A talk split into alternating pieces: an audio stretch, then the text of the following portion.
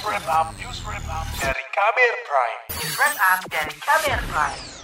Presiden Joko Widodo meninjau langsung harga minyak goreng curah di Pasar Muntilan, Jawa Tengah pekan lalu.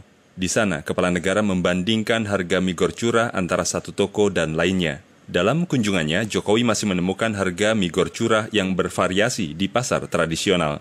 Di hadapan pedagang, Presiden Joko Widodo menjanjikan akan menurunkan harga minyak goreng sesuai HET dalam sepekan hingga dua pekan ke depan. 15 lima pak satu kilo 15 ribu, eh, 14 ribu 500, kalau liter liter 14 setengah 14 ribu 500. Ini satu liter harganya di sini sudah 14 ribu 500. tapi di sini enggak literan loh pak Ini kiloan, kiloan, kiloan, kiloan.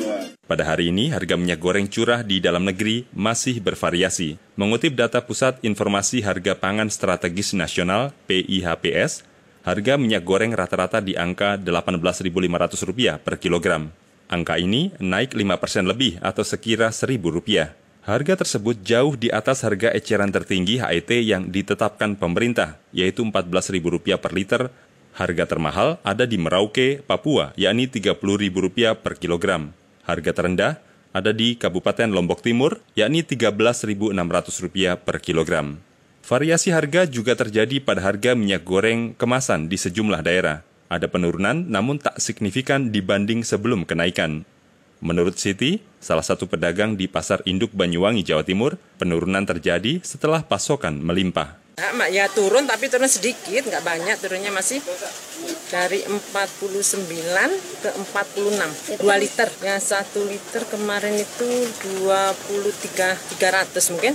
Modalnya 25 dari 25 turun sedikit 23 300 Penurunan harga salah satunya diduga karena stok melimpah di dalam negeri. Itu sebab pekan lalu pemerintah kembali membuka keran ekspor CPO dan bahan baku minyak goreng.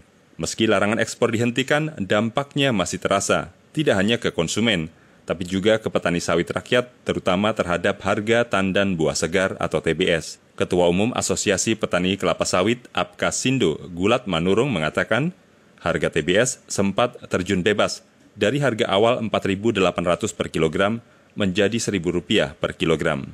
Namun, Kementerian Pertanian mengklaim telah melakukan langkah konkret untuk mencegah harga TBS agar tidak semakin anjlok. Meski begitu, Menteri Pertanian Syahrul Yasin Limpo mengakui harga TBS masih belum akan stabil dalam waktu dekat. Kementan tetap mengambil langkah penanganan dampak pelanggaran eks, pelarangan ekspor CPO yang diperkirakan masih akan berpengaruh terhadap harga tanaman buah segar atau TBS petani untuk beberapa waktu ke depan. Mentan Syahrul Yasin Limpo menambahkan, saat ini fokus Kementan membantu pembudidayaan kelapa sawit petani. Salah satunya yakni melalui pertemuan para pemangku kepentingan untuk mengambil kebijakan soal harga yang berpihak bagi petani. Sejumlah kebijakan yang dilakukan pemerintah untuk menstabilkan harga minyak goreng masih menuai kritik, salah satunya dari Ikatan Pedagang Pasar Indonesia IKAPI.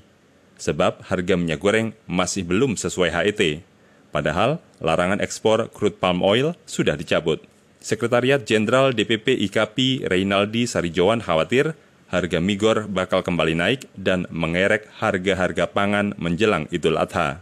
Kami hanya berharap minyak goreng 14.000 per 1 liter itu ada di pasar. Dengan cara apa? Dengan cara pendistribusian yang secara merata dan meluas. Jadi nggak hanya di daerah-daerah perkotaan besar saja. Tentu kita berharap eh, hari ini kan minyak goreng curah aja masih di atas 17.000, bahkan ada yang 19.000. Maka varia variabel-variabel ini harus uh, segera diselesaikan sehingga harapan dan cita-cita pemerintah tentu terrealisasi.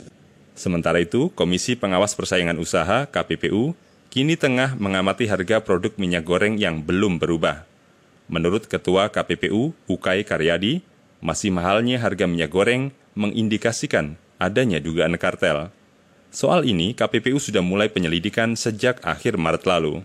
Mulai besok, subsidi minyak goreng curah akan dihentikan dan digantikan dengan kebijakan wajib pemenuhan domestik untuk minyak sawit mentah atau Domestic Market Obligation untuk crude palm oil, DMO CPO. Kebijakan tersebut tertuang dalam dua permendak yang telah dikeluarkan pada 23-24 Mei 2022. Artinya, per akhir bulan ini, Kemenperin tidak akan lagi bertanggung jawab atas distribusi minyak goreng di tanah air. Demikian laporan khas KBR yang disusun dan dibacakan Sindu Darmawan. Kamu baru saja mendengarkan news wrap up dari KBR Prime.